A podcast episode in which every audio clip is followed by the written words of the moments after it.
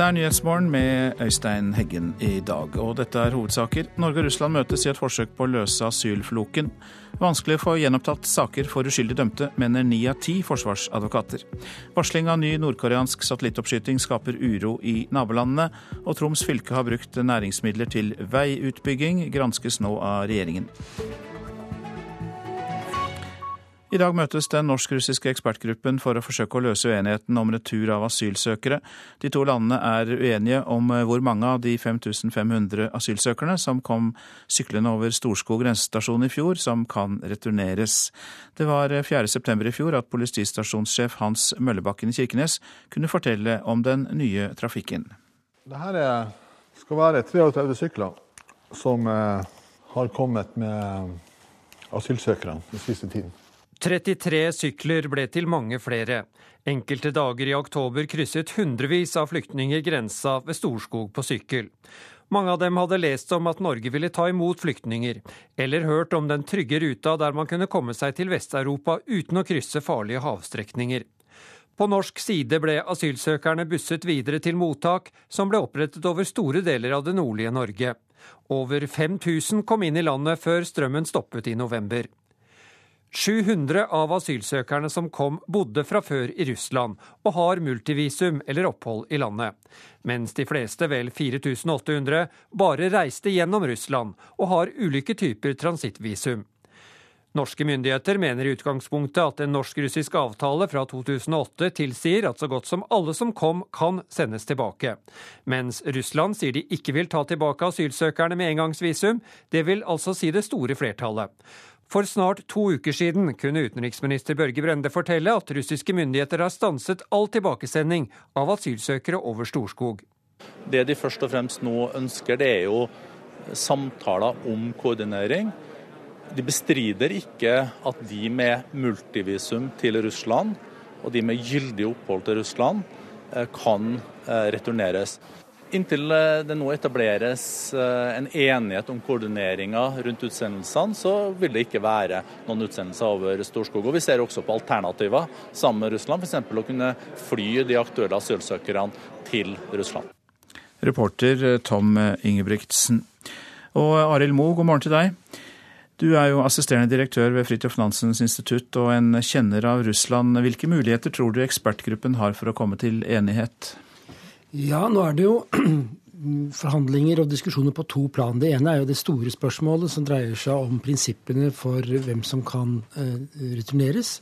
Og så er det en kanskje mer teknisk diskusjon om hvordan og hvor de skal eh, returneres. Denne saken har jo blitt brakt opp på et høyt plan pga. at eh, også utenriksminister Lavrov har uttalt seg. Og jeg tror også vi skal se at denne saken nå i Russland ses i et nordisk perspektiv. Det har pågått parallelle eh, drøftelser med eh, Finland. Mm, statsminister Medvedev og den finske statsministeren møttes i forrige uke, og da var dette tema. Og det er også møter mellom myndighetene i de to landene denne uken. Så Russland ser nok på dette samlet. Og de uttalelsene som har kommet fra russisk side, tyder jo på at man har en mye mer restriktiv oppfatning av hvem som har rett til å bli tatt tilbake til Russland enn det man har i Norge. Så en fullstendig eh, kan vi si, eh, innrømmelse av det norske synet er vel urealistisk.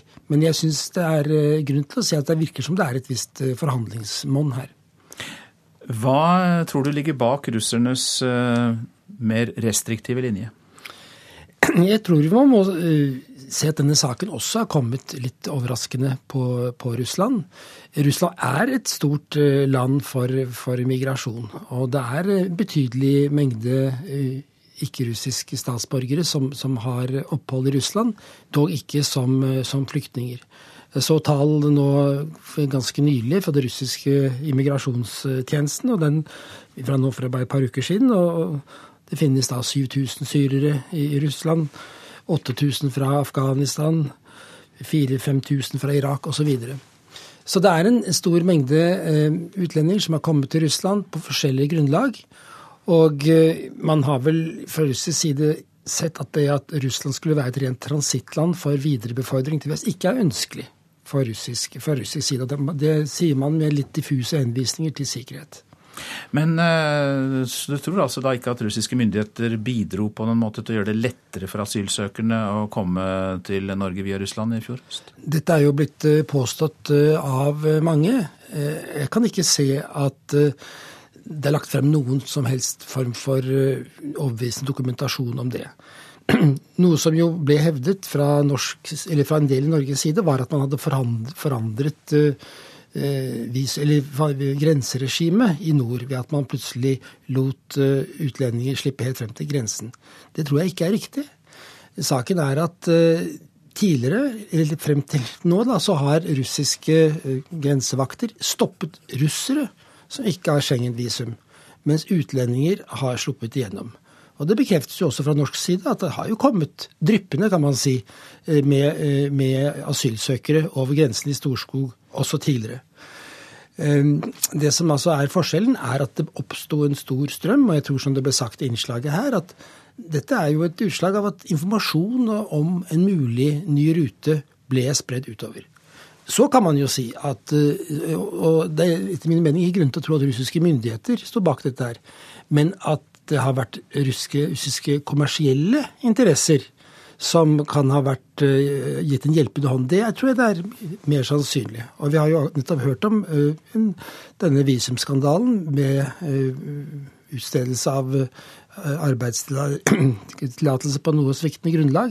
Som, som, et tegn på hva som foregår i Russland. Og at det da kan det også ha vært andre som har sett sin snitt til å hjelpe til med å legge opp en rute, ordne transport til Murmansk, fra Murmansk, kjøpe sykler og slike ting. Det virker uh, sannsynlig. Men det er altså et mer kommersielt, for ikke å si kommersielt kriminelt uh, engasjement. Mange takk for at du kom til Nyhetsmorgen, Arild Moe, assisterende direktør ved Fridtjof Nansens institutt. Japans forsvarsminister har gitt det japanske forsvaret ordre om å være i høy beredskap og om å skyte ned enhver rakett fra Nord-Korea som oppfattes som en trussel mot Japan. Det skjer etter at Nord-Korea har varslet FN om at de vil sende opp en satellitt. Selv om Nord-Korea hevder satellitten kun er ment for observasjon, så oppfattes dette internasjonalt som en forkledd test av raketter som kan brukes til å frakte atomvåpen. En eksakt dato for oppskytingen er ikke varslet, men Nord-Korea hevder at det skal skje allerede fra neste uke. Ni av ti eh, forsvarsadvokater som har erfaring med gjenopptakelseskommisjonen, mener at det er svært vanskelig, eller ganske vanskelig, for uskyldig dømte å få gjenåpnet saken sin på grunnlag av nye bevis. Frode Sulland, han er en av dem. Nei, Dessverre så er min tillit til uh, gjenopptakelseskommisjonen svært frynsete med årene. De er ikke, slik jeg har erfart det og observert det, genuint engasjert i den samfunnsoppgave det er å finne ut om noen er uriktig dømt. 65 forsvarsadvokater med erfaring fra gjenopptakelseskommisjonen har svart på undersøkelsen. Nær 80% av dem mener at terskelen for å få gjenåpnet saker er for høy. Blant dem er John Christian Elden. Og Jeg tror nok at det i veldig stor grad skyldes at man ikke går inn i sakene, ikke har kapasitet til å gå inn i sakene, ikke har ressurser til å gå inn i sakene. Eh, og at man ofte tenker at eh, ja, ja, denne dommen den er jo godt skrevet, så da er den sikkert riktig. I stedet for at man bruker tid på å ettervarsle den på nytt igjen.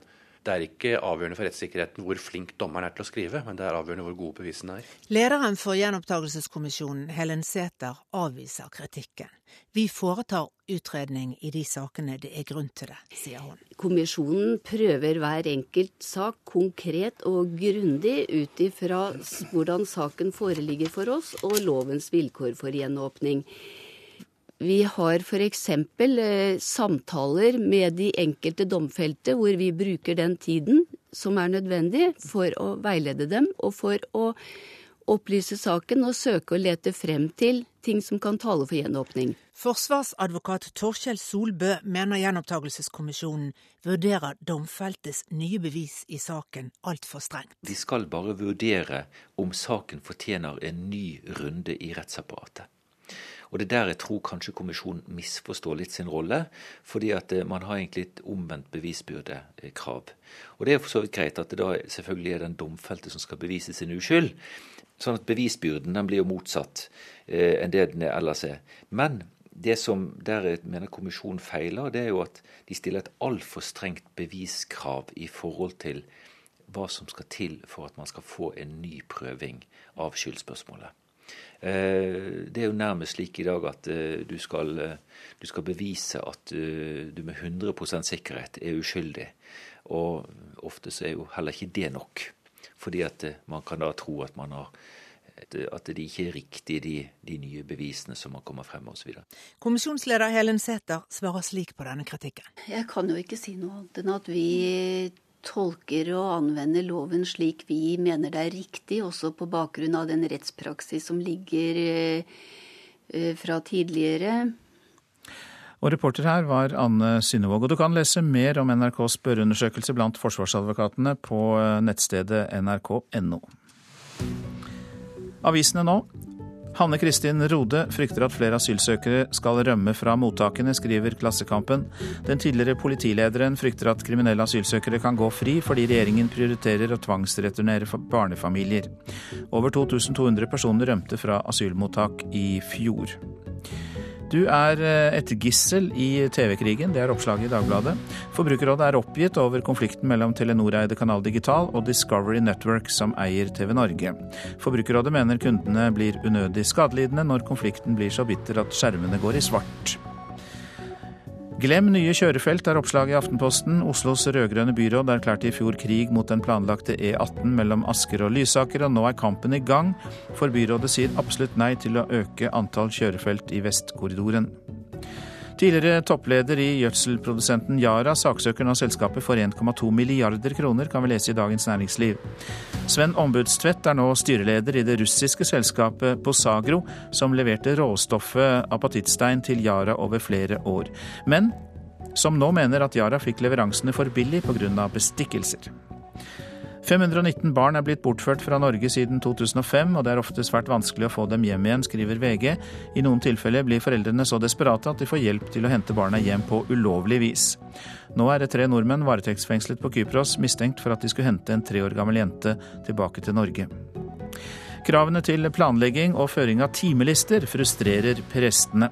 Det får vi vite i Vårt Land. Den nye arbeidstidsavtalen fører til at mange prester unnlater å føre opp alle timene de jobber hever prisgrensen, øker arealgrensen, fritar skogeiendommer og letter å selge jord til naboen. Det er Nasjonen som lister opp virkningene av at regjeringen og støttepartiene endrer konsesjonsloven spilte kamp tre dager etter cellegiftkuren. Adresseavisen skriver om 23 år gamle Anja Ørsal Torvik, som fikk lymfekreft, men vendte tilbake til håndballen under behandlingstiden. Nå når hun selv er kreftfri, legger hun til rette for at kreftrammede, ung, kreftrammede ungdommer skal få et treningstilbud. Til helgen skal det arrangeres verdenscuprenn i hopp i Holmenkollen, og eh, Bosidar Preots, faren til verdens beste hopper denne sesongen, Peter Breots, sto oppført som dommer. Renndirektør i det internasjonale skiforbundet FIS, Walter Hofer, var ikke klar over dette før NRK tok kontakt med ham.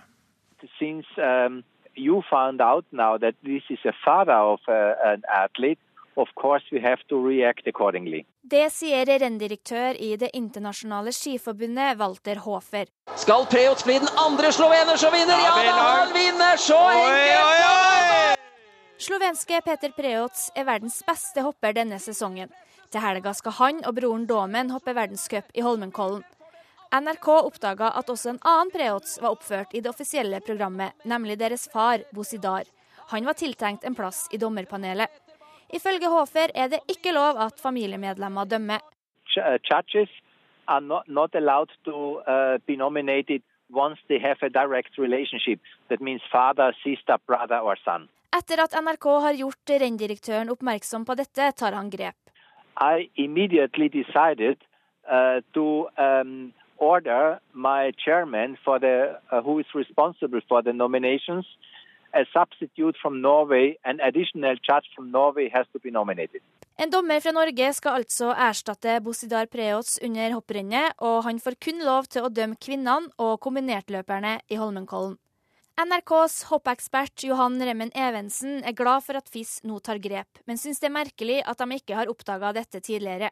Preus-familien har jo to tenner, opptil tre, som hopper i v-cup til tider. Så at de ikke har skjønt at han da ikke burde bli satt opp til eh, noe verdenscuprenn, er jo meget rart, selvfølgelig. Det er de nasjonale forbundene som nominerer dommere, men renndirektøren er klar på at de burde ha oppdaga glippen sjøl. Yes, and I immediately reacted on that because uh, first of all, uh, when we get the nominations from the federations, we have to trust that they keep the rules. But if such a, a thing happened uh, like now, of course we have to react before. Reporter var Signe Oppsal. Dette er Nyhetsmorgen. Klokka er 6.48, og dette er hovedsaker. Varsling av ny nordkoreansk satellittoppskyting skaper uro i nabolandene. De frykter at det er en forkledd test av raketter som kan brukes til å frakte atomvåpen. Vi har hørt at det er vanskelig å få gjenopptatt saker for uskyldig dømte. Det er ni av ti forsvarsadvokater som mener det. Gjenopptakelseskommisjonen er ikke genuint engasjert i å finne ut om noen er uriktig dømt, sier forsvarsadvokat Frode Sulland. Kommisjonens leder Helen Sæther avviser kritikken. En mann i 20-årene er fraktet til Drammen sykehus. Han ble angrepet i sitt hjem i går kveld av to maskerte menn bevæpnet med øks og machete. Troms fylkeskommune får kritikk for å ha brukt nær 30 millioner kroner som skulle gå til næringsutvikling, til fylkets egne samferdselsprosjekter, som tunnelopprusting og fergesamband. Det viser en undersøkelse NRK har gjort, og nå vil regjeringen granske om fylkespolitikerne har brutt loven. Vi ser jo at berget går jo litt inn og ut her, så det er en utfordring for større biler. Men den trange tunnelen som byggeleder Odd Helge Lyngra i Statens vegvesen viser frem, er også en utfordring for fylkespolitikere med trang økonomi. Da tunnelen i Lyngen kommune skulle opprustes i 2012, bevilga fylkesrådet seg sjøl 7,5 millioner kroner fra de regionale utviklingsmidlene, penger som primært skal skape arbeidsplasser og næringsutvikling. Uryddig, mener advokat og universitetslektor Thomas Benson, som kjenner lovverket godt. Dette er en samferdselsoppgave som fylkeskommunen har ansvar for å holde ved like. Det er ikke en næringspolitisk oppgave. Er en sånn tildeling i strid med de retningslinjene som gjelder for disse midlene? Ja, Den grenser mot ulovlige. Bare de siste fire årene er fem milliarder kroner brukt på denne statlige ordninga. Drøyt 1,9 av disse har havna i de tre nordligste fylkene, og det er herfra tunnelpengene er henta, viser NRKs kartlegging. På dette sommerfergesambandet, som knytter fylket sammen med Nordland, har politikerne i Troms brukt drøyt 20 millioner av de samme midlene til drift og markedsføring. Pengene skal ikke gå til lovpålagt drift, men daværende fylkesrådsleder i Troms, Pia Svensgaard, avviser at de gjorde noe galt. Det er jo Kommunaldepartementet som kontrollerer oss på alle penger vi bevilger, for det er jo derifra RUP-midlene kommer. Og Vi har ikke fått noe tilbakemelding fra departementet på at det er noe ureglementært rundt noe av det som ble tildelt i den perioden, heller ikke Polfjelltunnelen. Nå vil likevel regjeringa se nærmere på tunneltildelinga, sier statssekretær Grete Ellingsen i Kommunaldepartementet. Det vi kan si generelt er at en fylkeskommune eller en kommune ikke har anledning til å bruke regionale utviklingsmidler til oppgaver som er lovpålagt. Hvis man da oppdager at her har det vært et brudd, så vil det det kunne være aktuelt med tilbakebetaling av eh, midlene. Reporter her, det var Ole Marius Rørstad. Nå om eh, moter. For kjente designere forlater de store motehusene etter knallharde krav om flere kolleksjoner og raskere levering. Og det merkes også av designere i Norge. Og eh, det gir ikke nødvendigvis mer spennende plagg at det skal skje så raskt. Det går på bekostning av kreativiteten sier Ingrid Bredholt, kreativ leder i motemerket Madou Endin. I butikken i Oslo henger nøye uttenkte plagg på rekke og rad. Hun designer to kolleksjoner hvert år, men butikkene ønsker fire. Bredholt mener presset fra butikker og forbrukere om å stadig levere mer, har direkte innvirkning på moten. Dette er iallfall nå kolleksjonen har vært med, som er høstkolleksjonen. Sånn generelt så blir det kjedeligere plagg, eh, mer homogene plagg. Eh, det er um, Og ikke minst at det mister noe som vi legger vekt på, da, men den finishen. altså Det er et vakkert finish, det er et vakkert produkt helt liksom ut til siste sting. Det forsvinner.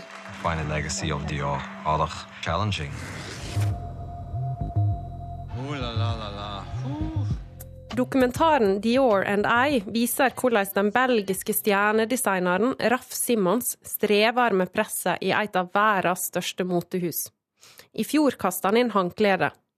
Dermed måtte Dior, i likskap med bl.a. Balenciaga, Pucci og Lavan, se seg om etter ny designer. Det ble nok veldig tydelig for motebransjen når Raff Simmons eh, hos Dior takket for seg og sa at det var av personlige grunner.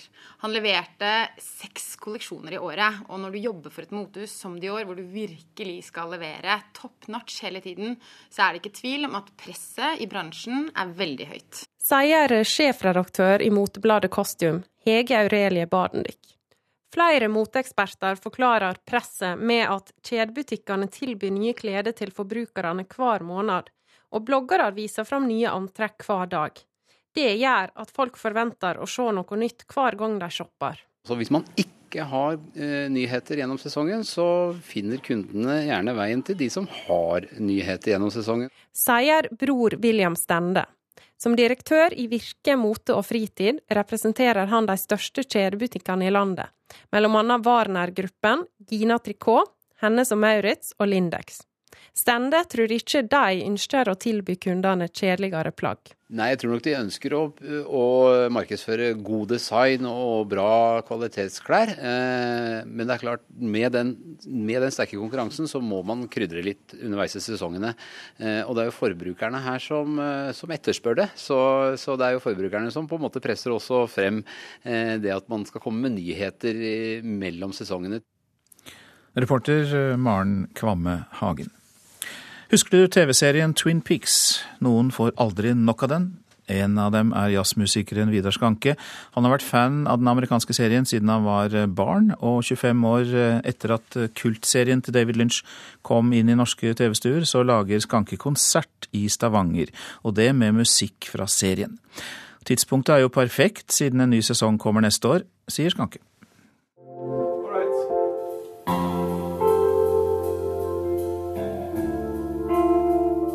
Det er stemningen. Og så er det den der balansen mellom noe utrolig trist og ganske tragisk, og noe veldig morsomt og rart. Sier jazzmusiker Vidar Skanke. Det er litt sånn Når jeg setter på en del av de der episodene, så er det nesten som å sette på eh, ei plate som du liker. Det, jeg tar det litt på samme måten, altså.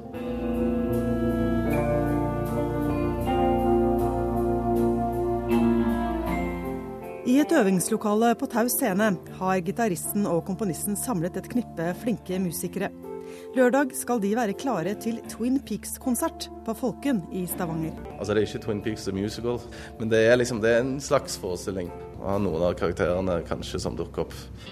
Every day, once a day, give yourself a present. Det er 25 år siden David Lynch-serien om FBI-agent Dale Cooper og drapet på Laura Palmer kom på norske TV-skjermer. Like Den til dels surrealistiske thrilleren fra småbyen Twin Peaks beskrives av eksperter som en banebrytende TV-serie. Og VHS-opptakeren gikk varm i mange norske hjem på fredags- og lørdagskveldene. His name is Bob. Vidar Skanke glemmer aldri sitt første møte med den nifse småbyen. Jeg husker ikke, jeg tror jeg var 10-11-12. Og jeg husker at jeg ble helt sånn Wow, dette er noe annet enn Derrick.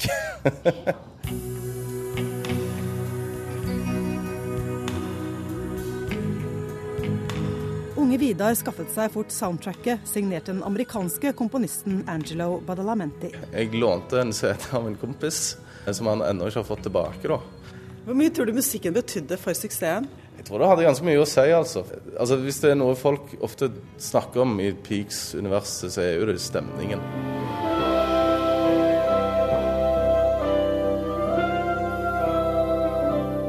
For Skanke går en drøm i oppfyllelse når han sammen med sanger Eva Bjerga Haugen og resten av bandet får komme med sine versjoner av den ikoniske musikken. Så det er en del av de der greiene, synter og litt sånn TV-løsninger som alltid irriterte meg litt. da. Så jeg tenkte å, det hadde vært så kult å høre det her skikkelig. Hørte det med en skikkelig sånn kontrabass istedenfor en sånn her midi-synt eh, kontrabass. Og den reportasjen var laget av Anette Johansen Espeland. Da tar vi for oss eh, værvarselet fram til midnatt. Fjell i Sør-Norge får liten nordvest kuling utsatte steder. Snøbyger vesentlig i nordlige og vestlige områder, men ellers mye pent vær i fjellet. Østlandet, Telemark og Aust-Agder. Hele området ser vi samlet, og det blir stort sett pent vær i dag. Vest-Agder på kysten vest for Lindesnes periodevis nordvest stiv kuling. I vest enkelte sludd- eller snøbyger, men ellers mye pent vær også i Vest-Agder.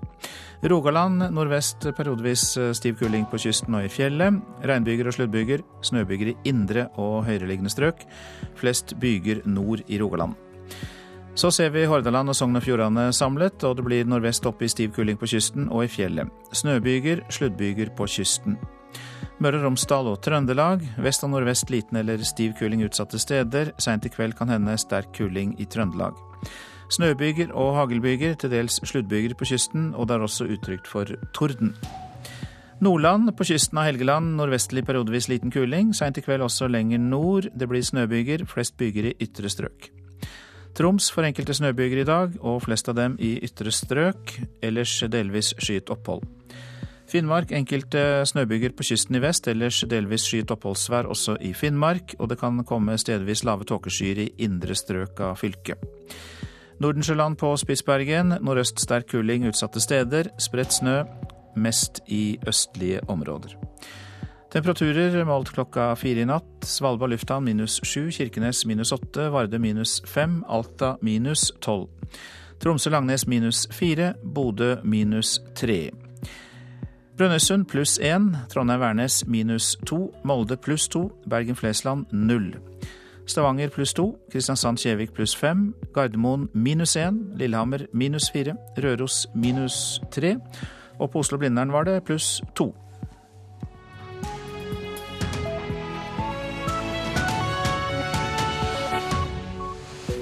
Hvordan kan barnevernsbarn bli bedre hørt? Her i Nyhetsmorgen følger vi opp det du hørte i Dagsnytt om at det er vanskelig og komplisert å klage for barnevernsbarn.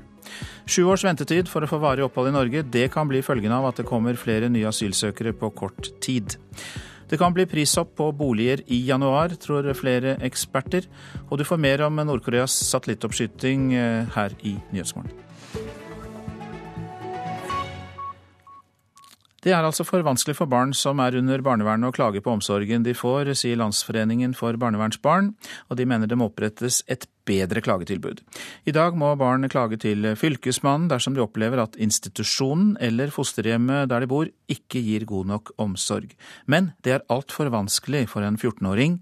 Det sier styreleder Sandrina Elisabeth Sandell i Landsforeningen. Her er vi inne på Fylkesmannens side. En nettside for Fylkesmannen.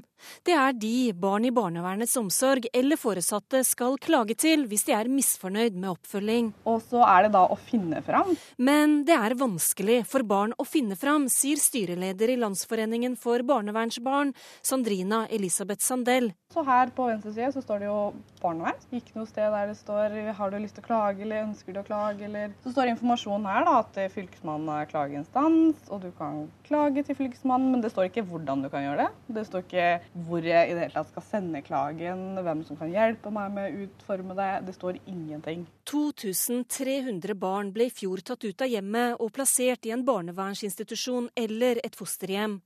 Fra 2009 til 2015 har antall klager fra barn og foresatte doblet seg, fra 377 til 663.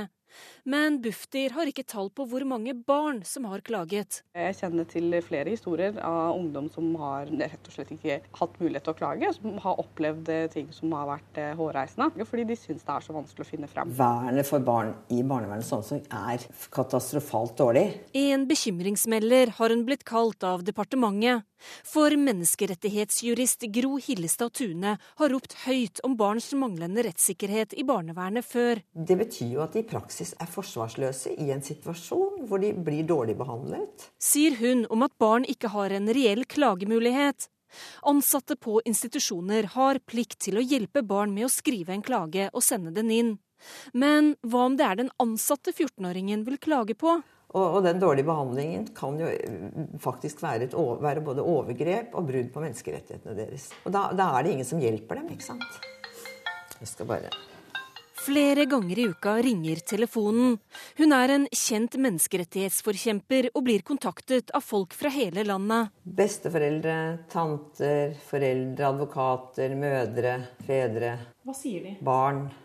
Nei, De er fortvilet. Det er jo en grunn til at de går og søker hjelp fra menneskerettighetene. De føler at de er blitt tråkket på, ikke, blir ikke hørt.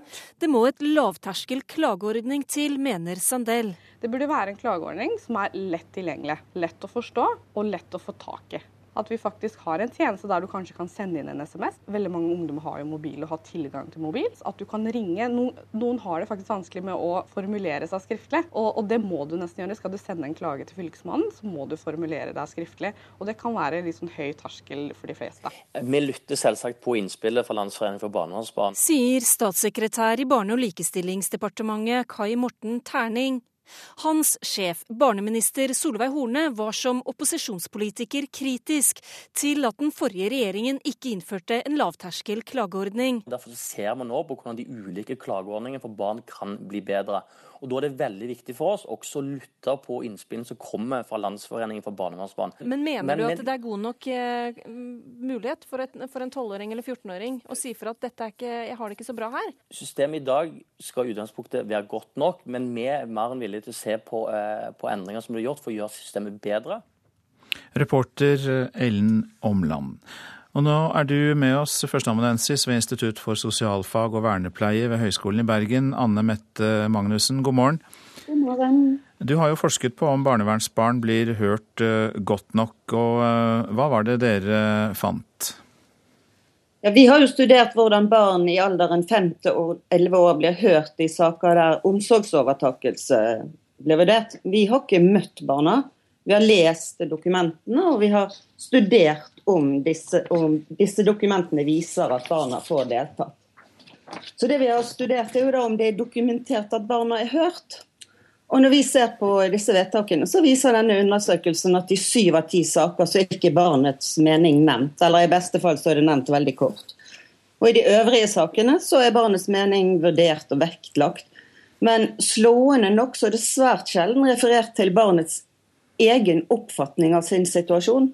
Så den mest sentrale personen i disse sakene om omsorgsovertakelse er jo den som tilsynelatende høres minst. Og faktisk så er det heller slik at det er unntak at barnets mening er dokumentert. Hvilke rettigheter eh, har de da som burde slå inn her, og slik at de ble hørt eh, mye mer enn det denne undersøkelsen dere eh, har viser? Altså Barn har veldig sterke deltakelsesrettigheter i Norge. FNs barnekonvensjon og den nasjonale lovgivningen den gir barn sterke juridiske rettigheter til å delta i spørsmål eller saker som angår dem. Altså Barn på syv år og yngre barn som er i stand til å forme sin mening, skal motta informasjon og gis mulighet til å gi sin mening før en beslutning blir tatt i en sak som angår barnet.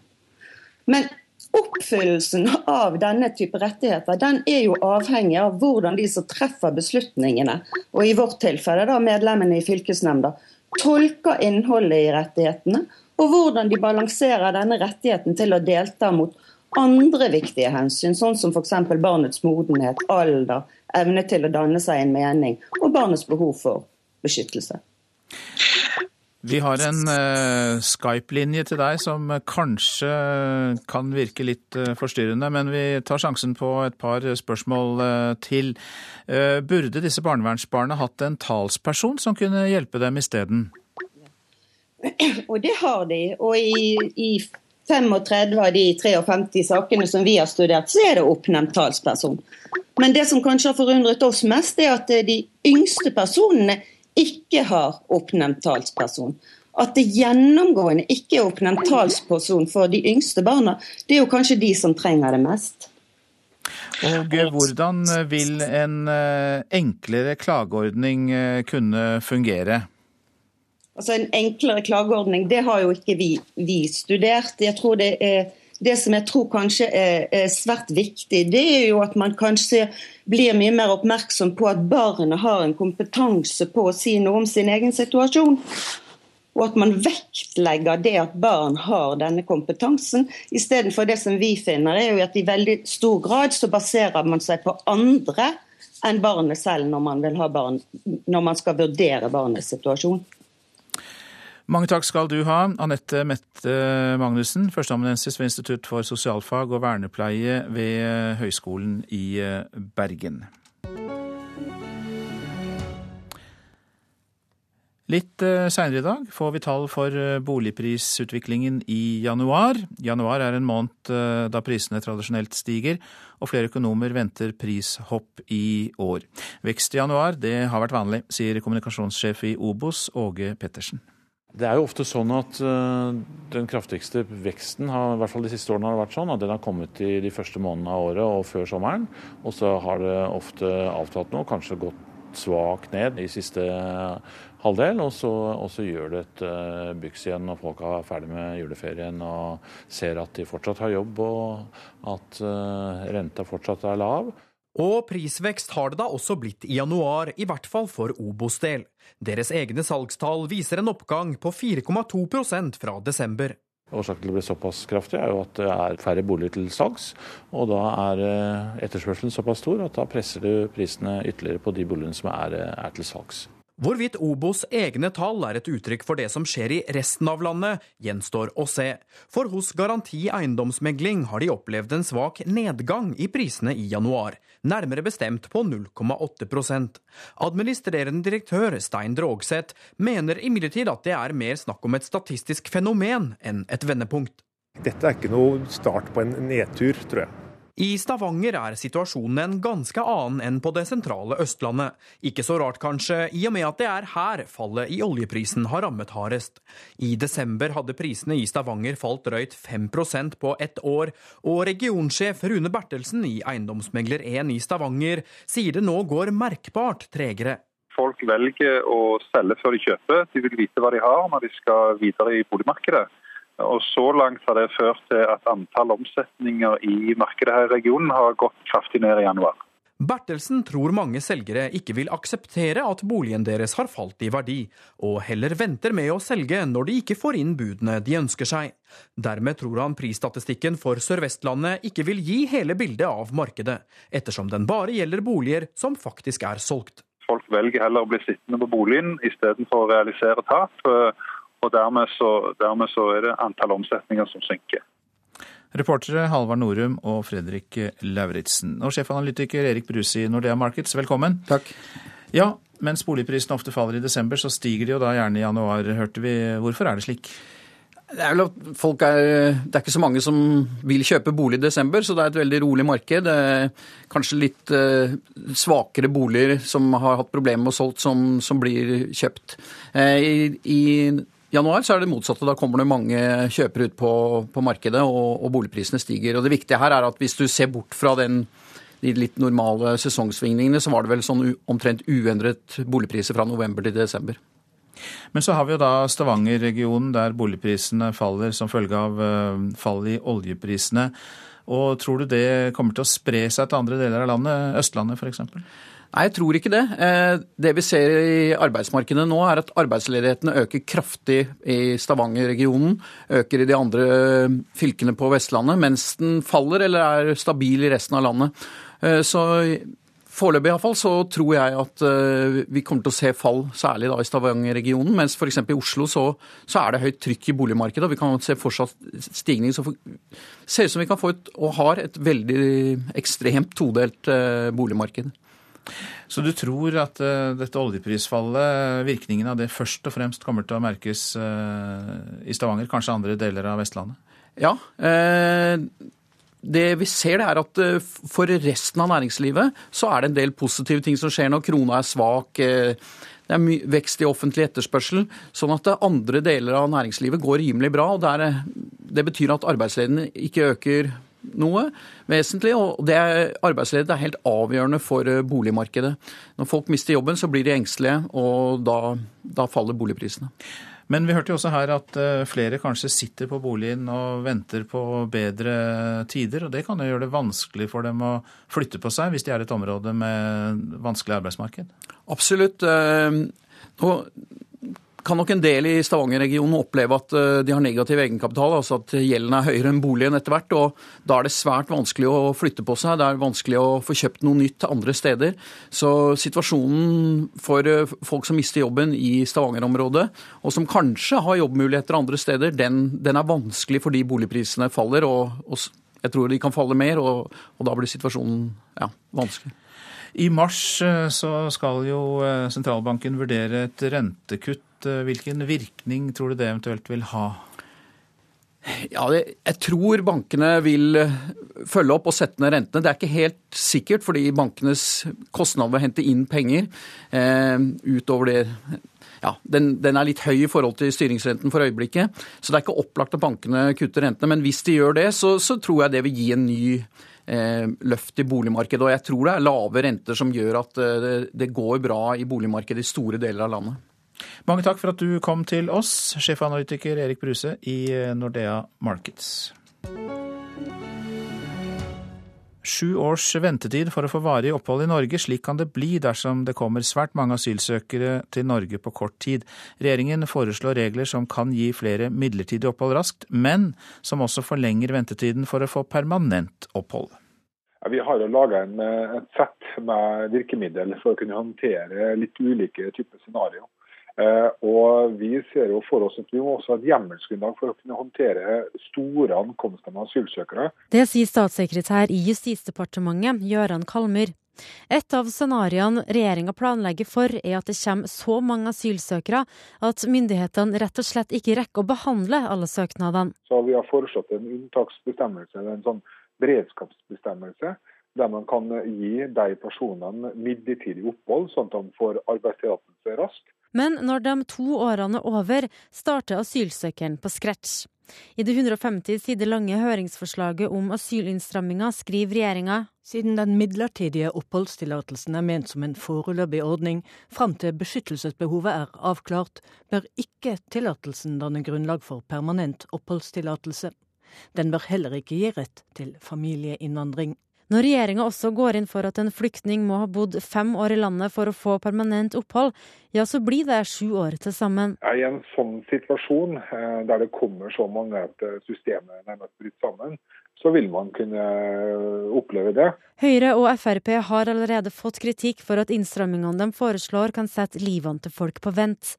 Likevel, Kalmyr mener unntaksregelen ikke bør gjøre det lettere for folk å få permanent opphold. Fordi en arbeidstillatelse vil virke liberaliserende.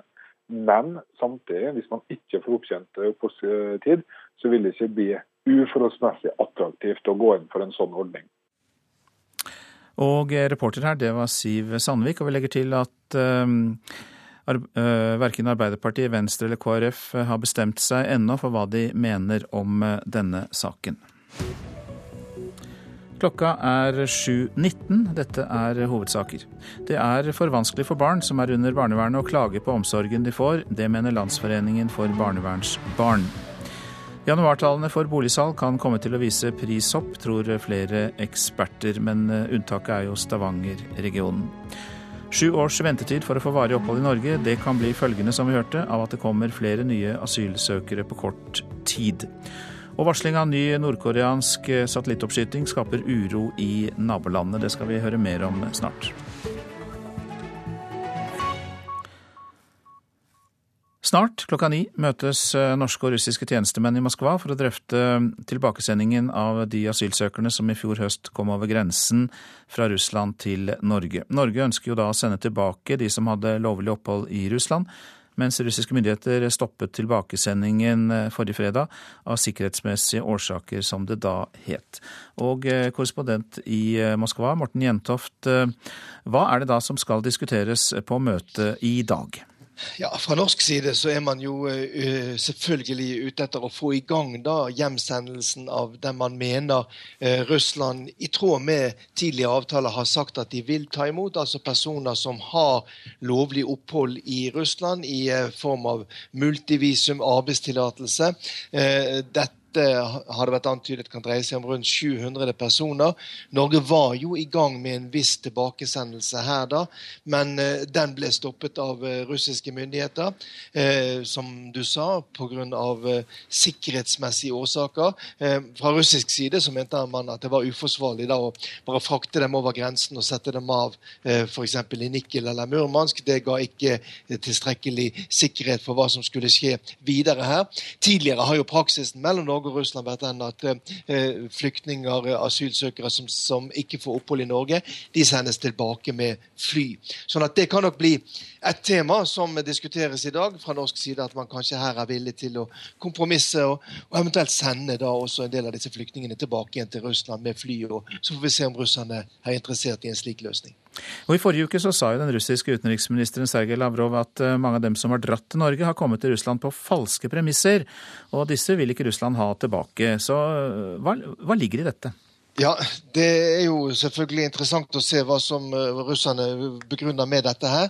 For her kan de også dreie seg om nettopp personer som har multivisum, men der Lavrov mener at eh, de har fått da disse multivisumene på falske premisser. De var ikke i Russland for å arbeide eller besøke slektninger. De kom til Russland bare for å reise videre til Norge. og Disse vil da russerne ikke ta tilbake igjen, fordi at man mener at man dermed har brutt de forutsetningene som de fikk visum på.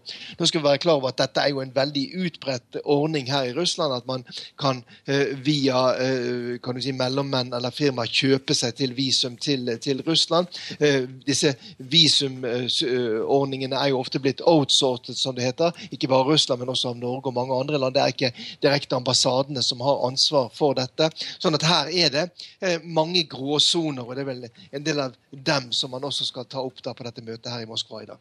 Ja, og tror du at man kan komme til enighet om noe på dette møtet, i hvert fall? Ja, eh, man håper jo i alle fall det, så vidt jeg forstår, fra norsk side her, da.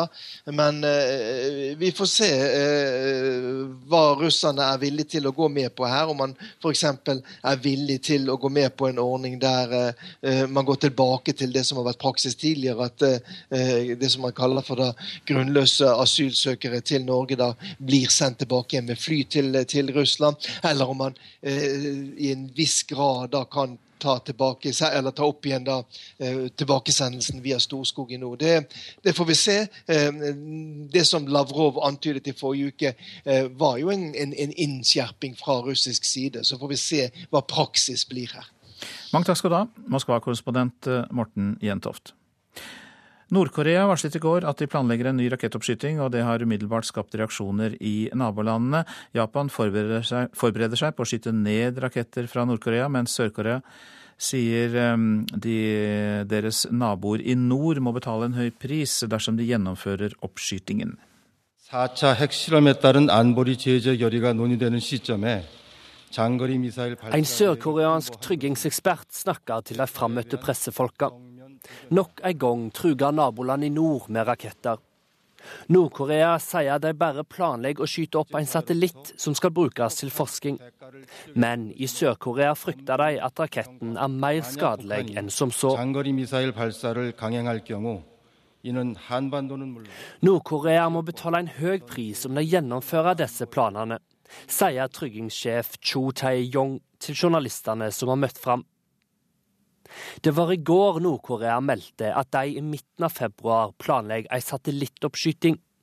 Sør-Korea og deres allierte USA mistenker at det er snakk om prøveskyting av en rakett som kan nå helt over Stillehavet og råke USA. FN har tidligere innført forbud mot rakettoppskyting fra Nord-Korea. Og i disse dager diskuteres det i FN-korridorene i New York om sanksjonene mot Nord-Korea skal bli enda strengere etter at landet utførte atomprøvesprengninger før jul. Gårsdagens melding om nye rakettoppskytinger kan gjøre det enda mer aktuelt med nye sanksjoner, mener Sør-Korea. Også i Japan er de kritiske til Nord-Koreas planer. Og statsminister Shinzo Abe sier at Japan forbereder seg på å skyte ned raketten om det blir nødsynt.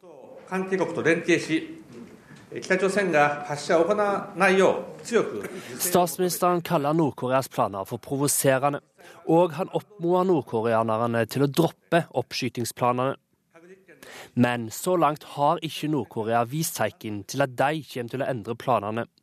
Og eksperter som følger landet tett, tror at oppskytingsdatoen er sett til 16. februar. Også kjent som fødselsdagen til tidligere president Kim Jong-un. Og det var Vegard Kjørom som eh, rapporterte. Så noen ord om det avisene er opptatt av i eh, dag. Hanne Kristin Rode frykter at flere asylsøkere skal rømme fra mottakene, skriver Klassekampen. Den tidligere politilederen frykter at kriminelle asylsøkere kan gå fri fordi regjeringen prioriterer å tvangsreturnere barnefamilier. Over 2200 personer rømte fra asylmottak i fjor. Du er et gissel i TV-krigen, er oppslaget i Dagbladet. Forbrukerrådet er oppgitt over konflikten mellom Telenor-eide Kanal Digital og Discovery Networks, som eier TV Norge. Forbrukerrådet mener kundene blir unødig skadelidende når konflikten blir så bitter at skjermene går i svart. Glem nye kjørefelt, er oppslaget i Aftenposten. Oslos rød-grønne byråd erklærte jo i fjor krig mot den planlagte E18 mellom Asker og Lysaker, og nå er den kampen i gang, for byrådet sier absolutt nei til å øke antall kjørefelt i den såkalte Vestkorridoren. Tidligere toppleder i gjødselprodusenten Yara saksøker nå selskapet for 1,2 milliarder kroner, kan vi lese i Dagens Næringsliv. Sven Ombudstvedt er nå styreleder i det russiske selskapet Posagro, som leverte råstoffet apatittstein til Yara over flere år, men som nå mener at Yara fikk leveransene for billig pga. bestikkelser. 519 barn er blitt bortført fra Norge siden 2005, og det er ofte svært vanskelig å få dem hjem igjen, skriver VG. I noen tilfeller blir foreldrene så desperate at de får hjelp til å hente barna hjem på ulovlig vis. Nå er tre nordmenn varetektsfengslet på Kypros, mistenkt for at de skulle hente hjem en tre år gammel jente. Kravene til planlegging og føring av timelister frustrerer prestene, får vi vite i Vårt Land. Den nye arbeidstidsavtalen fører til at mange prester unnlater å føre opp alle timene de jobber. Hever prisgrensen, øker arealgrensen, fritar skogeiendommer, og det blir lettere å selge jord til naboen. Det er Nasjonen som lister opp virkningen av eh, regjeringen og støttepartienes eh, kommende vedtak om endring av konsesjonsloven. Spilte kamp tre dager etter cellegiftkuren. Adresseavisen skriver om 23 år gamle Anja Ørsal Torvik, som fikk lymfekreft, men vendte tilbake til håndballen under behandlingstiden. Nå når hun selv er kreftfri, legger hun til rette for kreftrammet ungdom at de skal få et treningstilbud.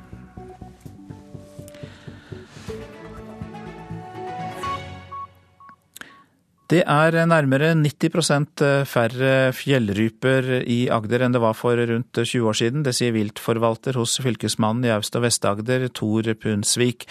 Han eh, mener at jaktsesongen på denne fuglen nå bør strammes betydelig inn. F.eks. så tenker jeg at den jakta som i dag foregår i januar og februar, den bør opphøre. Og at kanskje også er aktuelt å, å starte jakt noe seinere i områder som ikke har en god organisering. I dag skjer rypejakta fra begynnelsen av september ut februar, så du snakker om nær en halvering da, av jaktperioden? Ja, i hvert fall en innkorting i kanskje noe av den mest kritiske tiden. De fuglene som blir felt på vinteren, de vet vi har en mye større sjanse til å inngå i neste års bestand. Reporter her var Yngve Stiansen. Du lytter til Nyhetsmorgen, der Katrine Nybø er produsent og Øystein Heggen sitter i studio. Iran er på vei ut av isolasjonen. Det merkes på gata så vel som i storpolitikken. Hør mer i reportasjen etter Dagsnytt. Kommunenes inntekter er tema for debatten i Politisk kvarter mellom Arbeiderpartiets Helga Pedersen og Frank Jensen fra Høyre. Vi får også høre mer om planene for et Stor-Trøndelag.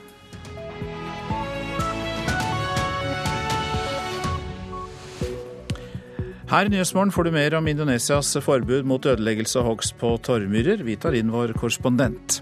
Det er for vanskelig for barn som er under barnevernet å klage på omsorgen de får. Fra og med i dag skal politiet ikke lenger kunne bære våpen til hverdags. Sigve Bolstad, leder i Politiets Fellesforbund, kommer hit med sin reaksjon. Urealistisk at Norge får fullt gjennomslag for sitt syn i asylstriden, sier Russland-ekspert foran møtene i Moskva i dag. Ja, som vi hørte i Dagsnytt, Indonesia innfører totalforbud av all ødeleggelse og hogst på torvmyrer. Det ble kunngjort av Indonesias president Yoko Widodo i dag, da han møtte Norges klimaminister Vidar Helgesen. I Indonesia blir torvmyr ødelagt for å gi plass til produksjon av bl.a. palmeolje, men det fører også til store utslipp av skadelige klimagasser. Asia-korrespondent Peter Svaar, du er i Jakarta, og hva går forbudet ut på? Ja, Dette er jo som du sier et forbud eller et moratorium, som byråkratene her kaller det, mot å ødelegge torvmyr, og som fra norsk side blir sett på som den viktigste typen eh, landområde å bevare, fordi torvmyr holder på veldig store mengder CO2. Eh, og Da de enorme brannene herjet her i Indonesia i fjor høst, så var det i stor grad drenert, altså uttørket torvmyr som brant. Og det var branner som sendte Indonesia opp i verdensmesterskapet i CO2-utslipp for 2015, sammen med Kina og USA. og for å gi en størrelse på dette, så sier norske byråkrater her til meg at dette forbudet mot ødeleggelse av torvmyr i Indonesia vil ha like stor effekt for eh, klimagassutslipp som flere tiår, kanskje et hundre år med samlede norske klimautslipp. Så det er ganske store dimensjoner. Og Blir dette tiltaket, denne verningen, da en del av det norske skogsamarbeidet med Indonesia?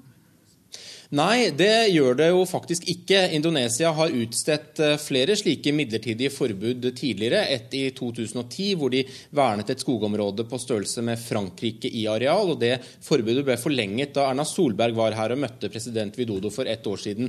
Men eh, både det verneområdet og dagens eh, forbud mot ødeleggelse av torvmyr er noe indoneserne på egen hånd ønsker å gjennomføre. Det er ikke en del av avtaleteksten mellom Norge og Indonesia. Og det norske skogsamarbeidet her, som nå har vart i seks år, har enda ikke resultert i noen målbare klimagassutslipp. Man har ikke fra norsk side betalt for en eneste kvadratmeter med bevaring av skog enda. Skogsamarbeidet er forsinket. Eh, hva tror du om det nye forbudet? Blir det håndhevet? Ja, Det er jo det store spenningsmomentet. Som nevnt så kunngjorde jo Indonesia også eh, for noen år siden verning av et eh, ganske stort eh, område. Og så kom de ulovlige og påsatte skogbrannene i fjor høst, som jo eh, raser her i Indonesia nesten hvert år, men var særlig store i fjor. Og de kunne ingen kontrollere. Det brant i månedsvis, og det er en utfordring her om det som nå bestemmes i Jakarta, blir respektert på lokalt nivå. Det gjenstår det fortsatt å se. Mange takk skal du ha, Peter Svaar, vår Asia-korrespondent som rapporterte fra Jakarta. Det er for vanskelig for barn som er under barnevernet å klage på omsorgen de får, mener Landsforeningen for barnevernsbarn. I dag må barna klage til Fylkesmannen hvis de opplever at institusjonen eller fosterhjemmet de bor i ikke gir god nok omsorg. Men det er altfor vanskelig for en 14-åring, sier styreleder i Landsforeningen, Sandrina Elisabeth Sandell. Det burde være en klageordning som er lett tilgjengelig, lett å forstå og lett å få tak i.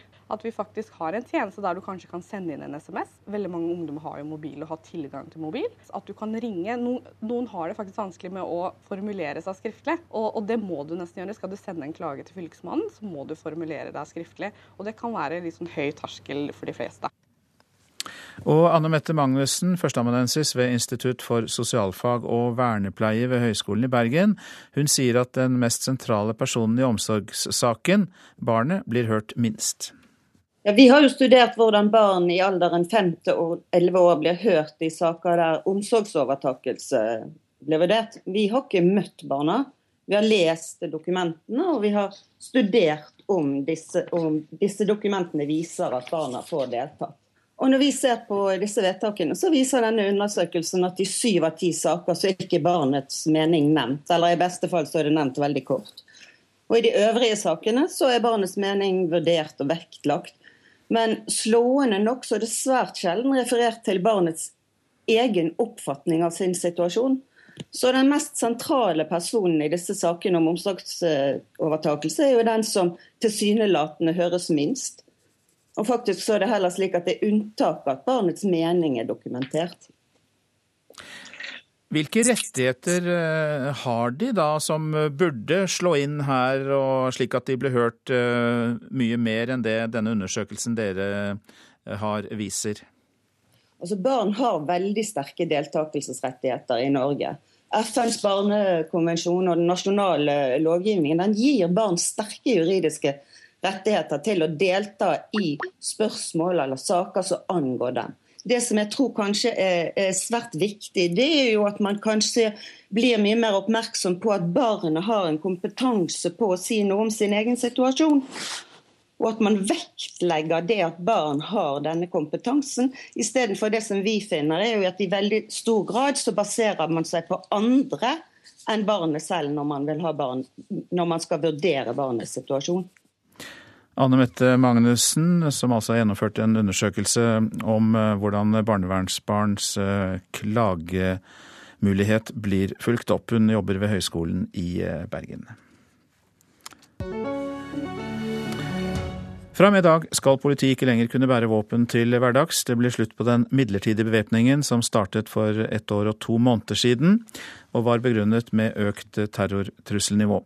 Ifølge politidirektør Odd Reidar Humlegård så er det ikke grunnlag for å fortsette den midlertidige bevæpningen. Han sa dette 28.1. Ja, det er altså slik at Den midlertidige bevæpningen har vært begrunnet i et trusselbilde som er beskrevet av PST. Eh, det er eh, nå tatt ned, og vi går tilbake til den vurderingen vi gjorde eh, i november ved å gå tilbake til fremskutt lagring. Det er det våpeninstruksen vår hjemler nå. Det betyr at våpnene lagres i politibilene. Velkommen, Sigve Bolstad. Takk, takk. Leder i Politiets Fellesforbund. Hvorfor syns dere dette er en dårlig idé? Vi har kalt det for en uklok vurdering. Og det er først og fremst basert på den nå har Europol eh, kommet med en vurdering i forhold til hvordan man eh, beskriver situasjonen i Europa, eh, og den er dessverre ikke lystig. I tillegg så er den nedskaleringa som Politiets sikkerhetstjeneste har kommet med, den er forholdsvis marginal. Så i forhold til de to bitene, så mener vi det er en marginal nedjustering. Ja, Men trusselnivået er blitt lavere? Trusselnivået har blitt noe lavere. Det er helt korrekt. Eh, rett skal være rett. Eh, men man lever i et eh, samfunn der man har sett hva som kan skje. Tragisk i Paris, København, vi har Berlin. Vi har en god del andre situasjoner. Og da mener både forskere og eksperter at da er det utrolig viktig det som går på responstida, altså tida fra du står overfor en hendelse som du bare må ta der og da, da kan sekunder avgjøre forskjellen mellom eh, liv og død. Eh, politiet har håndtert, og det har politidirektøren også sagt, den midlertidige bevæpninga nå på ca. 15 måneder på en eh, god måte. og Da burde man ha fått den tilliten fortsatt. Ja, det er jo kjente synspunkter fra deg, Sigve Bolstad, men la oss snu helt på flisa. Ser du ingen fordeler ved å ikke ha våpen? Vi hadde en lang, god og verdig debatt eh, i forkant av at vi fatta beslutninger på landsmøtet i 2012. Jeg har alltid sagt at det er gode argumenter for, og det er gode argumenter mot eh, en generell bevæpning. La meg høre deg komme med argumentene for, da. For en generell bevæpning? Nei, unnskyld. Eh, så for å ikke være bevæpnet? Ja, det kan, det kan dukke opp uheldige situasjoner som kanskje kunne ha utgjort en forskjell. Eh, vi har hatt eh, en del vådeskudd. Jeg har vært veldig tydelig på at hvert vådeskudd er en uønska hendelse. Eh, men istedenfor å ta bort den midlertidige bevæpninga og ikke jobbe for en generell bevæpning, så bør man jobbe og drive erfaringslæring i forhold til de uønska hendelsene som har vært, i forhold til å bli bedre. Slik er det med alt annet her i verden. Og da kan man også klare det på en utmerket måte. Det tror jeg norsk politi vil kunne klare på en, på en god måte. Men jeg legger ikke skjul på at det har vært uønska hendelser. Det som en bieffekt av den midlertidige bevæpninga og en eventuelt generell bevæpning som vil komme. Men dere mener altså at politiet bør bære våpen fast i Norge, som en konklusjon på det synspunktet du og din forening har? Det er helt korrekt. Takk skal du ha, Sigve Bolstad, leder i Politiets Fellesforbund.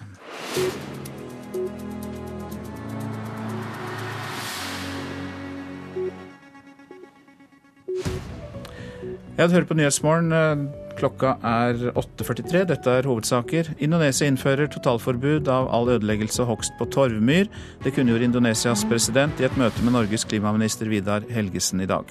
Striden mellom Kanal Digital og Discovery har ført til kraftig vekst for konkurrentene Riks-TV og for Discoverys strømmetjeneste Dplay, skriver VG. Ingen er ennå pågrepet etter at to menn angrep en mann i 20-årene med machete og øks i hans hjem i Røyken i Buskerud seint i går kveld. Nå ønsker vi deg velkommen, Leo Doria. Takk. Du er født i Rio de Janeiro. Du er bl.a. redaktør for nettavisen for det brasilianske miljøet i Norge. Og du er her selvfølgelig i forbindelse med Zika-viruset, som vi nærmest eh, daglig hører sprer seg mer og mer eh, i eh, Sør-Amerika. Og du kjenner jo de brasilianske forholdene godt. Hvordan påvirker det brasilianerne? Nei, det, det er veldig alvorlig. Det er veldig alvorlig, og det påvirker alle.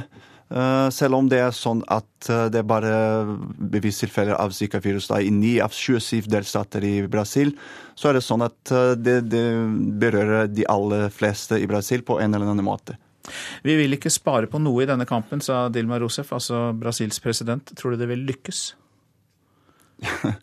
Det, det, er et godt spørsmål. Hvis vi tenker på at den myggen der som er den største, den største utfordringen som vi har, den bæreren av Zika-virus, det er også bæreren av dengue-virus som har herjet i Brasil i over 30 år. Vi har hatt mange, mange tiltak. Vi har prøvd uh, alt mulig for å bekjempe og få ned uh, ja, det med dengue-virus, og vi har ikke klart det.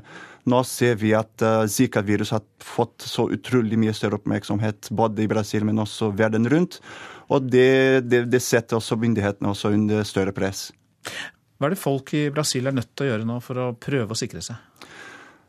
Tror kanskje det, det, viktigste her det er det som går på bevisstgjøring uh, og opplysningsarbeid. Uh, fordi måten som den, den myggen sprer seg, måten hvordan larven formerer seg, uh, det er da avhengig av hvordan forholdene er tilrettelagt i de tusen hjem. Så hvis det er sånn at folk ikke passer på at det ikke er der stillestående vannbeholdere hjemme, som f.eks. Eh, hengslegede eh, bildekker eller andre, andre, ting, så blir det større sjanse for at uh, myggen skal for at larven skal formere seg, og at myggen skal uh, spre det viruset. Så det er det som er det største utfordringen. Det, det er det å få folk til å være bevisst på hva de kan gjøre, og hvordan de kan uh, bekjempe også det, det, det problemet.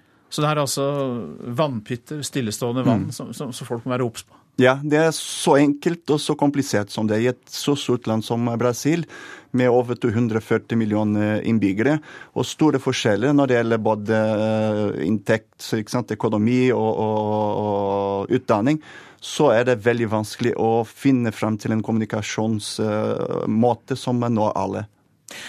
Nå er jo ikke da dette Zika-virus eh, farlig for den som eh, får det nødvendigvis, men det, er altså det man er blitt mer oppmerksom på nå og fått vite mer om, det er jo at det kan skade barn eh, hvis det er gravide ja. som, som, får denne mm. sykdommen.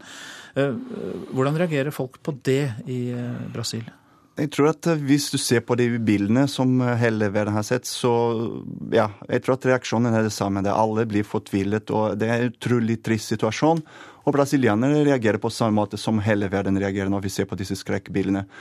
Eh, så ser vi da på hvordan myndighetene, liksom, hvilke råd som myndighetene både i Brasil og i verden eh, generelt, de, de rådene som de gir. Det gjør også at eh, folk må tenke litt mer når det gjelder f.eks. det med familieplanlegging. Det er en veldig sterk virkemiddel. Men det er noe som brasilianske myndigheter nå har gått ut og så sagt at uh, de må passe på det. Passe på at de ja, ikke får barn? Eller, ja, det, planlegger det, det, på en annen måte? Jo, det er det de sier. De sier både det at de må planlegge på en annen måte, men sier også at man skal vente. Hvis man kan vente, så må man vente. Mm. Mm. Til slutt, hva med sommer-OL i Rio? Tror du det blir eh, veldig påvirket av dette? Det blir, nok, det blir nok det. Eh, jeg har vært i Rio nå i eh, desember. Jeg hadde intervjuet bl.a. Eh, Rios ordfører og snakket om forberedelsene til, til OL i Rio. Og det jeg så, faktisk, det at eh, byen ser mye bedre ut enn det det så i forbindelse med fotball-VM i 2014. Så det er faktisk en gladsak som kommer der når det gjelder OL. Men samtidig som vi må bekjempe det sykeepidemi og dengeepidemi, så det er ikke sikkert at den gladsaken blir så synlig som eh, det burde, og som det kunne. Mange takk skal du ha for at du kom til Nyhetsmorgen. Leo Doria, som eh, altså da er redaktør for nettavisen for det brasilianske miljøet i Norge. Og så om eh, økonomi, for det har vært et stort børsfall i Asia i natt. Og spesielt ille var det da i Japan og Hongkong. Og i tillegg så falt oljeprisen, som er viktig for Norge, selvfølgelig. Reporter Linda Reinholdsen, eh, ja, hva skyldes all denne nedgangen? Det kom skuffende makrotall fra Kina og USA, verdens to største økonomier. Det går ikke så bra som han hadde håpa på, og da sprer pessimismen seg. Eh, japanske indekser falt i natt med så mye som 3% og det ble nesten like store fall i Hongkong. Eh, fall i råoljeprisen oppgis som én årsak, i tillegg til altså frykt for økonomisk nedtur. Så det er ikke bare Oslo Børs som lider når oljeprisen er ustabil. Og så faller uh, oljeprisen, ja. Det, den hadde jo klatret litt opp uh, i slutten av januar, men uh, nedover igjen? Ja, bare i går så falt oljeprisen 4,5% og det drommer seg Oslo Børs også ganske kraftig. Men nordsjøolje koster nå rundt 32 dollar for et fat. Det er altså godt over de 27 dollar man med skrekk så på i slutten av januar. Ehm, men den har også falt en del den siste tida, og grunnen er at eh, det er ikke så mange som tror på at oljeland kommer til å klare å kutte i produksjon eh, lenger. Var, Russland var ute og tok til orde for produksjonskutt, men det er ikke så mange som tror at de får det til. Og så tilbake litt til disse børsfallene. Da. Det påvirker jo selskapenes eh, egenkapital, også investorer som har aksjer, selvfølgelig. Men for oss som ikke er så steinrike, hva betyr det? Det behøver ikke bety så mye i første omgang hvis man ikke har aksjer eller jobber i et av selskapene som er på børs. Men hvis man ser på Man, man kan se på børsutviklinga som en slags værmelding. For hvis børsene faller mye over tid, så kan det være en tegn på at det kommer dårlige tider. Og siden i fjor høst så har det egentlig vært ganske store fall overalt. Mange takk, Linda Reinholsen, økonomimedarbeider hos oss, for den eh, oppdateringen.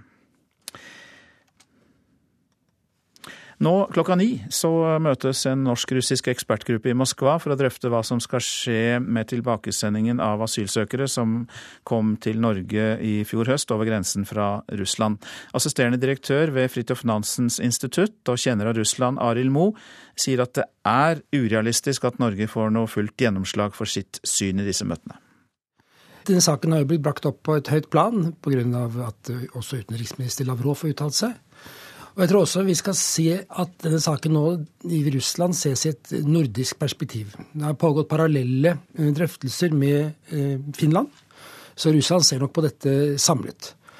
Og de uttalelsene som har kommet fra russisk side, tyder jo på at man har en mye mer restriktiv oppfatning av hvem som har rett til å bli tatt tilbake til Russland, enn det man har i Norge. Så en fullstendig eh, kan vi si, innrømmelse av det norske synet er vel urealistisk. Men jeg syns det er eh, grunn til å si at det virker som det er et visst eh, forhandlingsmonn her. Hva tror du ligger bak russernes mer restriktive linje? Jeg tror man må se at denne saken også har kommet litt overraskende på, på Russland. Russland er et stort uh, land for, for, migrasjon, og det er betydelig mengde ikke-russiske statsborgere som, som, har opphold i Russland, dog ikke som, som flyktninger. Og eh, man har vel fra russisk side sett at det at Russland skulle være et rent transittland for viderebefordring til vest, ikke er ønskelig fra russisk, fra russisk side. Det, det, sier man med litt diffuse henvisninger til sikkerhet. Men uh, du tror altså da ikke at russiske myndigheter bidro på noen måte til å gjøre det lettere for asylsøkerne å komme til Norge via Russland i fjor høst? Dette er jo blitt eh, påstått av mange. Jeg kan ikke se at det er lagt frem noen som helst form for eh, overbevisende dokumentasjon om det. Noe som jo ble hevdet fra, norsk, fra, en del i Norges side, var at man hadde forandret uh, vis, grenseregimet i nord ved at man plutselig lot uh, utlendinger slippe helt frem til grensen. Det tror jeg ikke er riktig. Dette er jo et utslag av at informasjon om en mulig ny rute ble spredd utover. Så kan man jo si at eh, Og det er etter min mening ikke grunn til å tro at russiske myndigheter står bak dette her. Men at det har vært russiske, russiske kommersielle interesser som kan ha vært uh, gitt en hjelpende hånd, det jeg tror jeg det er mer sannsynlig. Og vi har jo nettopp hørt om uh, denne visumskandalen med uh, utstedelse av arbeidstillatelse på noe sviktende grunnlag som, som, et tegn på hva som foregår i Russland. Og at det da kan det også ha vært andre som har sett sin snitt til å hjelpe til med å legge opp en rute, ordne transport til Murmansk, fra Murmansk, kjøpe sykler og slike ting. Det virker uh, sannsynlig. Men det er altså et mer kommersielt, for ikke å si kommersielt kriminelt uh, engasjement. Arild Moe sa det, assisterende direktør ved Fridtjof Nansens institutt og Russland kjenner. Regjeringens nye inntektssystem for kommunene det er udemokratisk og tvinger kommunene sammen. Det mener kommunalpolitisk talsperson i Arbeiderpartiet, Helga Pedersen. Regjeringen ønsker at kommuner som frivillig fortsetter å være små, skal miste inntekter. Pedersen sier Arbeiderpartiet går mot det nye inntektssystemet. Det må være frivillig for kommunene å slå seg sammen. Og Det vi har eh, sett over en, over en tid nå, er at eh, det har vært lav entusiasme for eh, kommunereformen. Og Da er det regjeringa innfører det her grepet med at de kommunene som ikke vil slå seg sammen, de skal slå seg sammen. Og så tar man pengene da fra de kommunene som ikke vil slå, slå seg sammen med naboen. Og Det mener vi er udemokratisk. Høyre-politiker Frank Jensen i kommunalkomiteen på Stortinget er helt uenig i at det nye inntektssystemet tvinger kommunene sammen. Selvfølgelig er det fortsatt frivillig om man ønsker å slå seg sammen. Spørsmålet er imidlertid er det riktig at vi skal ha et inntektssystem som sementere dagens kommunestruktur, som faktisk gjør det direkte ulønnsomt å slå seg sammen, og som straffer mm. de som velger å slå seg sammen. Arbeiderpartiet syns jeg fortsatt ikke klarer å svare på hvorfor det er riktig at etter at du har kompensert for distriktsulemper, så skal du fortsatt ha et innsatssystem som gjør det til et ideal å være liten kommune. Det mm. hindrer jo faktisk den reformen det, men, som Arbeiderpartiet men Jensen, sier at de er Jensen, for. Er det et straffeelement i det systemet dere har skissert nå?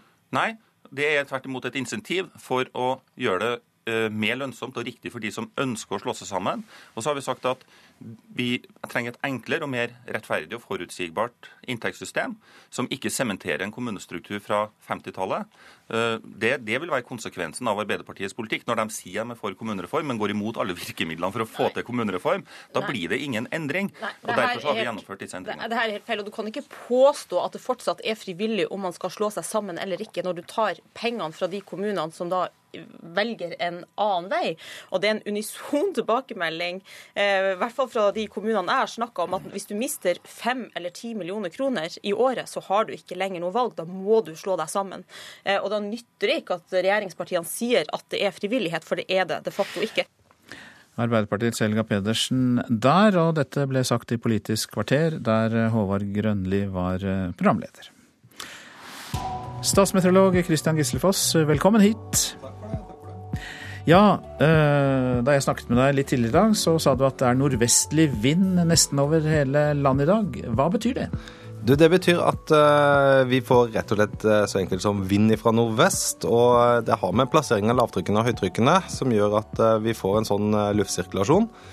Og nordvesten den kan ofte forbindes med bygevær. Så, og det gjelder meste av landet, men så er det noen som er heldige og slipper unna disse bygene. Ok, Hvem slipper unna? Eh, det er jo da Sør Sørlandet og Østlandet, og gjerne i noen indre strøk eh, opp eh, gjennom det meste av landet. Og så kommer det opp til sånn Øst-Finnmark og Finnmarksvidda. Men, men, for øvrig så er det bygevær? Ja, og så det bringer oss over til været i dag. Altså det, det blir en dag med ja, oppimot nordvestlig stiv kuling der det blåser mest, og rett og slett snøbyger.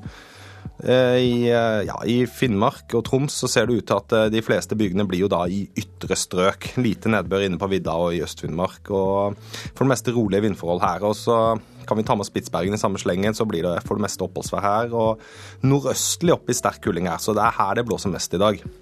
Og lengre sørover i landet, Nordland er opp i liten kuling på Helgelandskysten fra nordvest. Og sludd- og snøbyger. Det samme får du i Trøndelag og Møre og Romsdal, men her kan enkelte byger inneholde hagl og torden, faktisk. Og resten av Vestlandet, ja, så blåser det Nordvestlig periodevis stiv kuling eh, og mest vind eh, i Hordaland, Sogn og Fjordane. Og så blir det da bygevær, eh, snøbyger i indre og høyereliggende områder, sluddbyger på kysten. Kan hende regnbyger på Rogalandskysten. Så Sørlandet, Telemark og Østlandet er, blir det en fantastisk fin dag med mye sol. Oi, fantastisk fin dag. Og det er til og med autorisert av meteorologen? Ja, ikke sant. Det er ikke hver dag vi kan si det, altså, men det er nesten skyfritt, altså. Du, Helt på tampen, Kristian Gislefoss. Eh, noen minusgrader er du nord i Innlandet, men ellers er det fortsatt ganske mildt denne vinteren? Du, det stemmer. Uh, vi hadde jo en kuldeperiode i starten av januar, og så fra ca. uke fire, hvis jeg ikke husker helt feil, så slo det om. Og det mildværet vi har hatt, det har faktisk vært uh, såpass mildt at til nå i år så ligger vi mange steder over det som er normalt. Altså, vil si at det har vært mildere til nå i år enn det som er normalt. Mange takk skal du ha.